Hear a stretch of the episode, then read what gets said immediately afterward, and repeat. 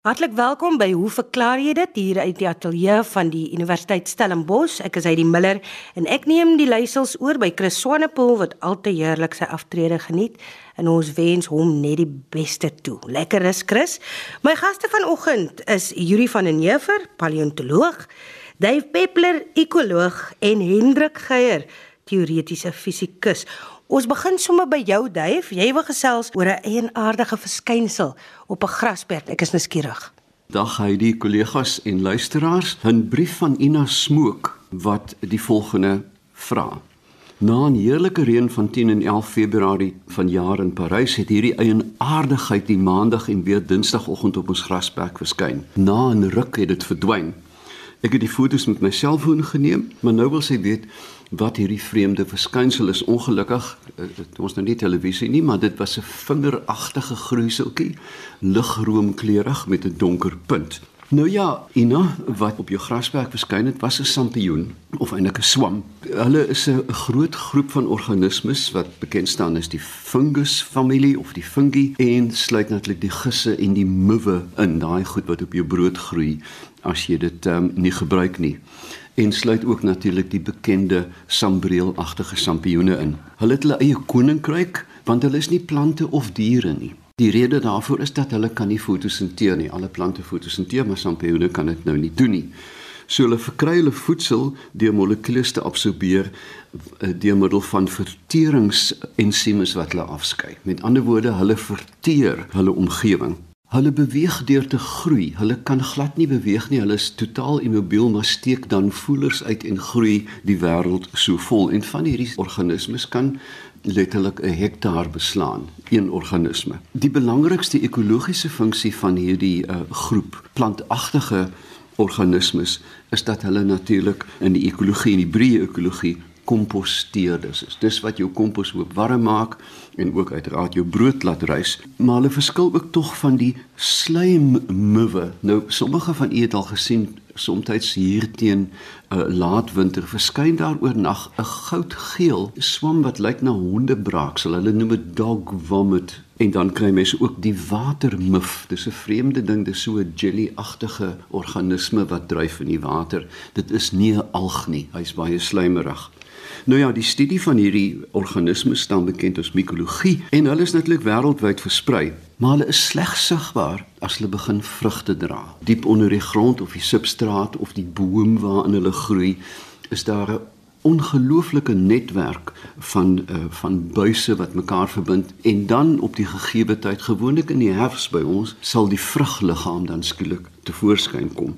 Nou ja, die mens weet natuurlik al baie lankal van hierdie organismes En ons weet dat ons gebruik gis om brood te laat rys, gis in wyn, in bier en in die ooste natuurlik die maak van soja word ook deur 'n gistingsproses begin. So onlangs as 1940 het ons natuurlik ook hierdie swamme gebruik om antibiotika te maak, die beroemde penicillin kom van hierdie swamme af. Ons het ook later hier in die, in die laat 1960s kon ons van hierdie ensimes wat hulle afskei gebruik in wasmiddels, die sogenaamde ensiem-aktiewe wasmiddels. Dit kom van swamme af. En natuurlik ons kan hulle gebruik in biologiese beheer. Een van die interessantes is die beheer van sprinkane. Daar is 'n 'n Europese swam. Jy kan letterlik sprinkaan uitbrake kan jy kan jy sout met hulle? En dan so na 'n week of wat begin al die sprinkane na klein hoppende stukkies camembert lyk en dan vrek hulle uh, met 'n groot harige laag oor hulle. En diere kan hulle natuurlik eet hulle is nie giftig nie. En uh,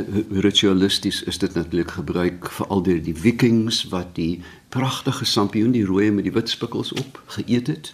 Die shamans die priesters. En hulle het dan hulle urine uitgedeel aan die aan die gemeente wat dit dan weer gedrink het vir die aktiewe bestanddele daarin. En so is vrolikheid deur die gemeente versprei. Daar is 'n geraamde 2.2 tot 3.8 miljoen spesies op aarde waarvan slegs um, 120 000 beskryf is maar ons weet wel dat omtrent 8000 is nou bekend dat hulle skadelik is en 300 van hulle is giftig vir die mens. Ons het vroeër gepraat oor hoe hulle versprei. Nou aan die punt van hierdie netwerk van buise is die hyphae, dis 'n klein groeipunt en die hele versameling staan bekend as 'n mycelium. Hierdie sagte draadjies, jy weet as jy 'n brood se muf voel, dit voel na niks, kan ongelooflike kragte uitoefen en hulle vorm dan klein liggaampies wat hulle noem die apressoriums en hulle kan 8 megapascal druk uitdruk. Hendrik, dit is 'n onsaglike druk, jy weet is 'n 1200 pond per vierkante duim. Met ander woorde, hulle kan bome breek, hulle kan klip breek. So dis baie kragtige organismes alhoewel hulle so sag is. Hulle plant ook voort dan deur spore vry te laat. As kind het my oupa my laat um, bobbejaan snyf skop dit is 'n ronde vrugliggaam, kakie kleurig en dan was dit groot plesier om te loop en is skop en dat jy deur die kakie wolk beweeg. Dan is daar ook ehm um, koppievormige groeivorms wat hulle noem die bird's nest fungus, die voeltjie nes fungus en die die funksie van die koppie is om 'n reendruppel te gebruik om die spore te laat spat. Byna 90% van alle plante op aarde het 'n simbiotiese verhouding met swamme aan die wortel en dit staan bekend as mycorrhizas. En ons weet byvoorbeeld by dennebome dat indien hulle nie gesout of geënt is nie, kan jy die groei verbeter met in 'n orde van 40% deur die regte mycorrhiza in te ent. Ons weet natuurlik dat diere dit ook gebruik, mure en termiete het groot swamtuine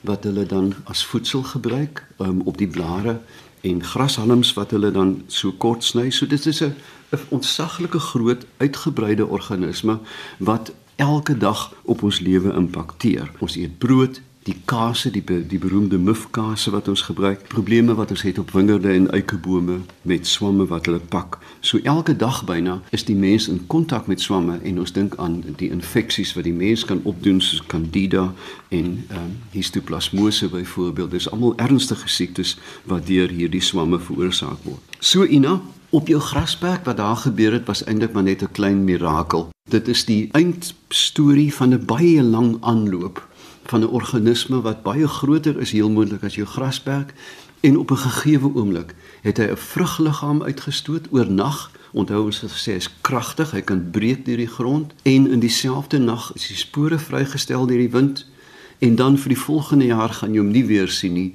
Jy is werklik gelukkig om dit te kon waarneem. Yuri van den Heever gaan nou met ons gesels oor haai tande en so bietjie later gaan Hendrik Geier vir jou meer vertel oor of jy kan sien dat die aarde rond is. Ek het 'n brief ontvang van Maurice Darheim en hy sê dat hy sy kinders en sy kleinkinders het hom genooi om saam te gaan na Bathurst toe, 'n plaas in die omgewing en uh, van Bathurst in die Oos-Kaap om te soek na fossiele. Hulle het daar aangekom, 'n wit rif gesien en dit lyk soos kalkklip. Dit lê net onder die grond, so teen 'n helling uh, sigbaar. Uh, hy sê hy kan duidelik gesien het dat daar in die verlede al baie gegrawe is in die omgewing en hulle het nie gereedskap gehad om nou diep te grawe nie en dis maar tussen die rommel gekrap en die losgeruis het hulle toe klein haai tande gekry wat hy sê uh, wat toe nie fossiele is nie. En hy sê hy kan verstaan dat daar baie miljoen jare gelede dit die kuslyn gewees het, maar hoekom het die haaitande behoue gebly en hoekom het hulle nie verdwyn nie? Maurice is heeltemal reg, dit is 'n kalkklip en dit staan bekend as die Bathurst formasie. Nou, ek wil nie jou geesdrift demp nie, Dit is so dat in Suid-Afrika word alle fossiele volgens wet beskerm en 'n mens is nie veronderstel om op jou eie te gaan fossiele versamel nie, maar in geval van haaitande soos by baie van die ander seediertjies soos trilobiete en die goed is daar by plekke wat nie tipe lokaliteite is nie. Lê daar geweldig baie van die goed rond en mense tel dit op en uh, daar is selfs handelaars in die Kaap, in Kaapstad wat uh, hiermee handel dryf. Nou daar is wetgewing, maar persoonlik dink ek dat die wetgewing nie behoorlik toegepas word nie. So dit maak nou nie saak nie.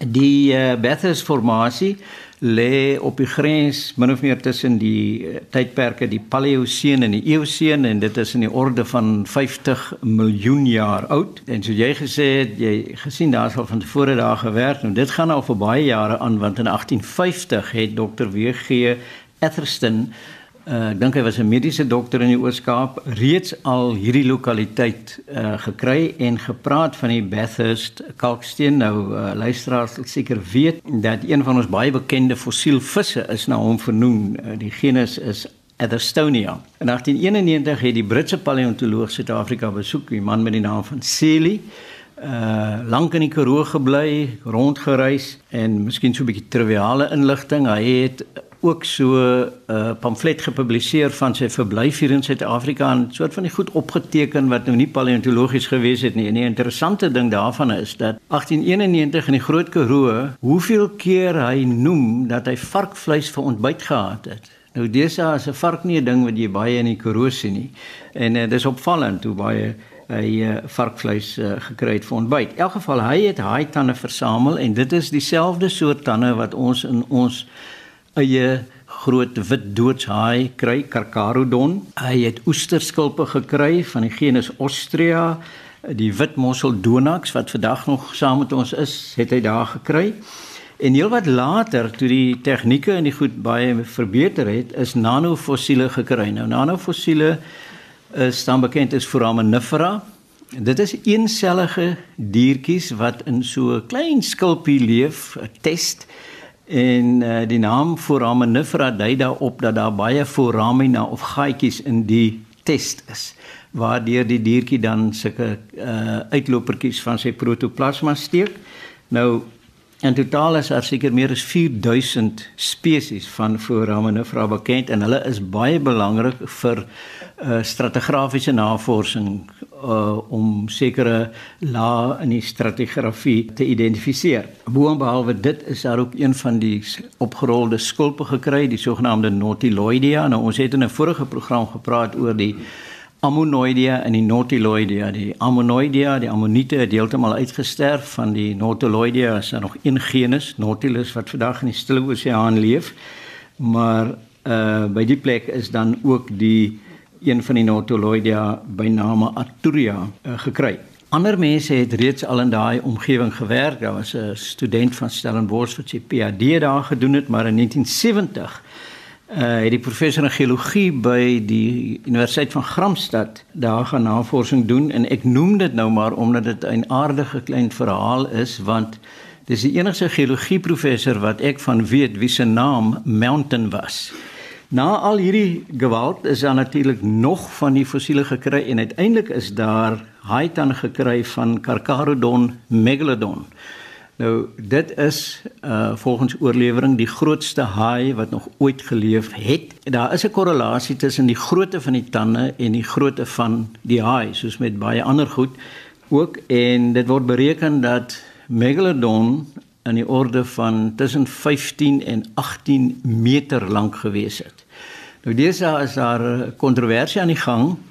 Mens kan maar na die YouTube video's gaan kyk. Daar is navorsers wat beweer en dit is navorsers wat apparate het wat hulle in die diepsee mee kan duik tot op die seevloer, monsters neem van die seevloer en daar's van hulle wat beweer dat Megalodon nog leef en nie uitgesterf het nie. En die mense wat die foto geneem het want hulle was nou op wag om te kyk kan dan volgens die skaal wat die ander strukture bied, die afstand tussen die rugvin en die stert van bepaal en hulle reken dit is uh wat hulle afgeneem het is 'n megalodon wat in Valsbaai rondswem. Nou ja, ons sal moet sien hoe dit verder sou gegaan het. Jou vraag hier is uh hoe kon die tande oorleef en jy dink nie dis fossiele nie, maar uh, Maurice, dit is wel fossiele. Dit is versteende tande en die omgewing waar dit in gebeur het is dat baie skulpdiere, soos jy kan sien wat daar gekry is, daar is baie diere met skulpe, onttrek kalsiumkarbonaat uit die seewater uit om hulle skulpstruktuur te bou en dan wanneer hulle doodgaan, dan sak die skulpe af na die seevloer toe. Uh en dit vorm 'n nuwe laag ryk aan kalsiumkarbonaat uh, en as van die haie doodgaan dan uh, preserveer die kraakbeen geraamtes nie want dit versteen nie maar die tande preserveer wel en wanneer hulle in hierdie kalkryke omgewing beland dan word die kalk nie onttrek uit die tande uit nie uh want dit is 'n omgewing met 'n lae pH en dis word die tande baie goed gepreserveer. Nou wat mense sien is dat in die dentien van die tande uh plus die emalje en ook in die geraamte is daar 'n materiaal wat dit uh nou hoofsaaklik uit bestaan en dis hidroksiapatiet. En wanneer die vorm van hidroksiapatiet in die tande is, spesifiek in die emalje, is dit die hardste stof in die liggaam. En omdat dit dan in hierdie omgewing is wat 'n lae pH het, dan word dit nie ontkalk nie en dit word dus gereedelik uh, gepreserveer. Die tande wat jy saamgestuur het of liewer die foto's van die tande wat jy saamgestuur het, lyk nie na die tande van Megalodon nie, want as jy een van die groter tande van Megalodon pas mooi netjies in jou palm. Dis 'n resagtige tand. Die tande wat jy saamgestuur het, lyk nie soos die gelyksydige driehoek van die megalodon tande nie, maar dis 'n baie meer puntige tand en dit is tipies van 'n uh, ander genus, Odontaspis uh wat 'n soort sandhaai is. Dan uh die feit dat die sedimente wat die tande ingekry word nie meer naby die kus is nie, het te doen met 'n baie bekende geologiese verskynsel Mens sien dit as jy met die Chapman Peak pad langs ry en dan nie na die see kyk nie, maar na die berge kyk en dan sien jy hierdie pragtige geronde klippe wat uh bo kan die pad in die heuwel sit. Uh wat duidelik daarop dui dat dit deur water so gevorm is. So ons het die geval dat jy kan landsheffing kry of daling of jy kan 'n uh, stygings of 'n daling van die seevlak kry wat dan verklaar hoekom hierdie seefossiele nou soos jy self sê 11 km na die binneland lê. Baie dankie Yuri. Hendrik, ons wil met jou gesels oor 'n brief wat 'n luisteraar vir jou gestuur het. En die vraag is of 'n mens kan sien dat die aarde rond is as jy oor die see uitkyk. Dankie vir die geleentheid om saam te kan gesels Heidi. Waarna jy verwys is 'n e-pos wat ons van Roger Rothner gekry het. Hy sê hy was in 1967 in standaard 10 en hulle wetenskaponderwyser was 'n Egiptenaar met die van van Nasser. Um, hy het toegesê dat daar binnekort 'n man op die maan gaan land en ons het hom uitgelag, maar dit het toe so gebeur. Nou 'n uh, stukkie kommentaar Roger, dit is natuurlik nou geskiedenis dat Neil Armstrong op 28 Julie 1969 eers eerste mens tree op die maan gegee het. Uh destyds was daar nog nie internet waar enige iemand inligting kon bymekaar hark nie. So mense aanneem dat meneer Nasser op ander maniere homself oor NASA se program ingelig het en dat hy nie sommer net hierdie uh, voorspelling uit sy duim uitgesuig het nie, maar in elk geval uh, Roger gaan voort om te sê my vraag handel nie hieroor nie. Die meneer Nasser het ook gesê om uit te vind of die aarde rond is, moet ons oor die see gaan kyk en dan sal ons die rondheid kan sien. Gelukkig het ons in George skool gegaan en was daar baie plek om te gaan kyk en dit was toe so. Nou hieroor het ek nog 'n bietjie kommentaar nou nou uh Roger en dan sluit hy af en hy sê my eintlike vraag is dan dit wat veroorsaak dat die water rond bly want ek het al oor 'n dam gekyk maar dit bly plat. Roger kom ons gaan terug na die na die stelling uh dat 'n mens oor die see kan sien dat die aarde rond is. Dit is onwaarskynlik want daar's daar's min dinge wat so opvallend horisontaal is as die horison wanneer 'n mens uh, van die strand af oor die see uitkyk. Om die waarheid te sê, as 'n mens nou op die internet gaan rondkrap, kom jy agter dat hierdie feit uh, voorgehou word deur voorstanders van mense wat steeds glo dat die aarde plat is as een van die bewysstukke dat dit wel so is. Die feit dat die aarde rond is, het 'n lang geskiedenis van hoe die mensdom dit agtergekom het. Een van die van die sleutelfigure in hierdie verhaal was 'n Griek met die naam van Eratosthenes.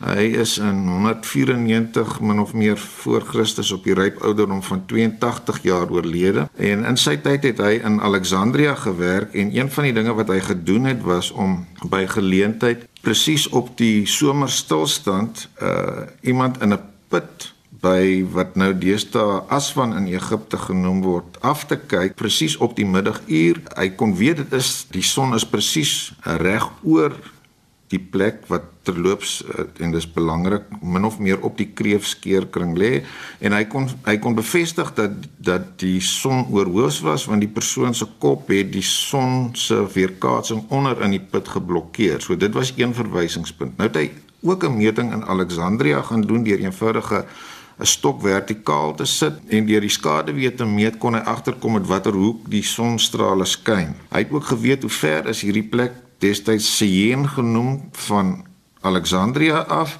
en hy kon vasstel dat die hoek wat hy nou kon meet wat die sonstrale geskuif het relatief tot die vertikaal van Syene na Alexandria dit was omtrent 7 grade. So as mens nou aanneem dat die aarde rond is, dan praat jy van omtrent so 'n 50ste van die omtrek wat natuurlik 360 grade is. Uh deur die afstand, die bekende afstand tussen hierdie twee plekke te gebruik, het hy 'n berekening gedoen van die omtrek van die aarde en vergeleke met wat ons vandag weet het hy omtrent so 10% fout gemaak. So omtrent 200 jaar voor Christus was daar al eksperimentele bewys dat die aarde rond is. Nou terug by die horison. Uh, wat is die horison? Wel, mens moet dit nou maar in woorde sê, dis die lyn wat oënskynlik die lug en die aardoppervlak uh, as 'n mens nou byvoorbeeld oor die see kyk, skei. Uh, en die blote feit dat mense hierdie lyn sien, moet al klaar vir jou dat dink dat daar dalk sprake van 'n kromming kan wees dat jy net tot op eindige afstand kan sien. En 'n mens kan daardie sommetjie baie maklik maak, uh, Roger, as jy nou vir jou 'n sirkel of 'n of 'n sirkelsegment teken, en jy teken 'n radius van die middelpunt van die aarde af tot op die oppervlak en jy verleng hom so klein bietjie om nou 'n waarnemer voor te stel. Nou natuurlik is die skaal van tipiese waarnemer wat op die aarde staan relatief tot die radius van die aarde wat omtrent so 6370 km is Uh mens moet nou maar daai daai hoogte 'n bietjie vergroot om hierdie om die meetkunde te kan doen. Maar as jy nou wil vra hoe ver kan so iemand sien tot by die horison, dan moet jy natuurlik 'n raaklyn van daai punt af tot by die sirkel trek en dan sit jy met 'n reghoekige driehoek waarvan die een sy die radius van die aarde is, die ander sy die radius van die aarde plus die hoogte waarvandaan jy meet, die derde sy is dan die onbekende afstand. Nou mense het niks meer nodig as Pythagoras se stelling om daai sommetjie te gaan maak nie. En dan kan jy uitvind dat vir alle praktiese doeleindes omdat die radius van die aarde soveel hoër of groter is as 'n tipiese waarnemer se hoogte, sit jy met die afstand as die vierkantswortel van 2 keer die radius van die aarde vermenigvuldig met die hoogte van waar af die waarneming gedoen word. So wat dit vir jou sê is as jy 'n ooghoogte het van omtrent so uh 1,7 meter, dan kan jy 4,7 km ver uh, oor die see uitkyk. En hierdie feit kan natuurlik bevestig word as jy nog geduld het en dit is toevallig so dat 'n skip in jou rigting kom, dan sal jy mettertyd sien hoe die ding oor die horison meer en meer sigbaar word totdat die volle skip uiteindelik sigbaar is. So op die manier kan 'n mens indirek agterkom dat die aarde ten minste gekrom moet wees en as dit dan rond is, uh, bevestig dit dat dit rond is uh, en nie net eenvoudige plat oppervlak nie. As 'n mens vra wat die horison is as jy jou byvoorbeeld in die middel van die oseaan sou bevind, dan is dit natuurlik 'n sirkel wat oral 4,7 km min of meer van jou af reg in die rondte sal wees. En die vraag is as jy nou uh, in een rigting kyk van links na regs en die horison waarneem of jy daardie kromming sou kon waarneem. Wat nou loodreg is op die kromming waarvan ons nou net gepraat het. Ons het gepraat van kromming soos jy uitkyk oor die see van die strand af byvoorbeeld. Natuurlik is die kromming dieselfde, maar in die eerste geval het ons gesê jy kan dit indirek waarneem. Nou vra ons kan jy dit direk waarneem deur net na die horison te kyk. Jy kan hoogstens omtrent so 10 km ver oor die horison sien. As jy dit nou vergelyk met die omtrek van die aarde van by die 40000 km, dan besef jy dat daar nie 'n kat se kans is dat jy daai klein krommingkie oor 10 km meter sou kan sien nie. So ek is bevrees uh, meneer Nasser het julle met 'n slap riem gevang en ek dink julle was miskien 'n bietjie geïndoktrineer tensy die eerste deel van wat ek nou net pas vertel het inderdaad die basis was waarop hy wou hê julle moes agterkom dat die aarde rond is. Uh, dit beantwoord natuurlik ook die vraag uh, Roger oor waarom as jy oor 'n dam uitkyk dit plat bly. 'n Mens moet sê die wateroppervlak is natuurlik altyd so gevorm dat 'n raaklyn aan die oppervlak op enige punt loodreg is op die rigting waarin gravitasie werk en gravitasie werk na die middelpunt van die aarde toe. So jy kan sien om om watter rede die water as dit oor die oppervlak van die aarde versprei is, ook die vorm van die aarde aanneem omdat water so gerig word soos ek gesê het dat die raaklyn aan die oppervlak altyd loodreg is op die rigting waarin gravitasie werk. So oor 'n dam presies dieselfde as waarom jy dit nie by die see kan sien nie, uh, sal dit vir jou plat lyk. Jy kan eenvoudig nie daardie klein krommingkie met die blote oog waarneem nie. Terloops Ehm um, as 'n mens ook op die internet gaan kyk, sien jy nogal interessante foto's wat mense destyds uit die Concorde geneem het op 'n hoogte van omtrent 18 km is jy al hoog genoeg bo kan die horison dat jy wel 'n effense kromming kan sien.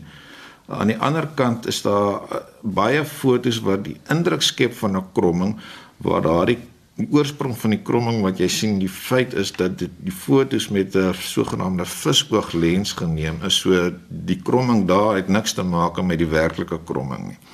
So Roger, ek hoop dit laat jou 'n bietjie beter voel oor wat 'n mens wel kan sien en waarneem as jy oor die see uitkyk. Kyk gerus weer 'n slag, uh, dalk sien jy 'n skip nader na jou toe kom om die 4,7 km afstand min of meer te bevestig. En dit staan al vir vandag en ons sê baie dankie aan ons gaste Yuri van den Heever, Hendrik Geier en Dave Peppler. Jy kan jou vrae vir ons stuur, stuur dit na my, Heidi Miller. Die e-posadres daar is heidi@rsg heidi.co.za. Die spelling van daai Heidi is H A I D E E.